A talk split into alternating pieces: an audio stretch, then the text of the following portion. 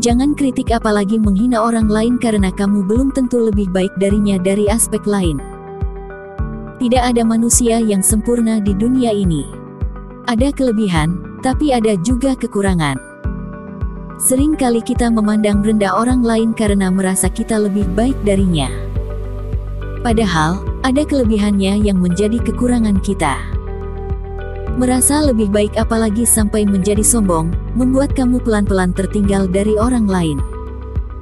Kamu merasa sudah hebat, sehingga tak perlu mengembangkan diri. Orang lain pelan-pelan mengejar ketertinggalan dan kamu yang sekarang tertinggal. Jadilah orang yang selalu rendah hati agar bisa menyerap banyak hal yang tidak kamu ketahui. Di saat kamu sombong, di situlah kamu mulai berhenti maju.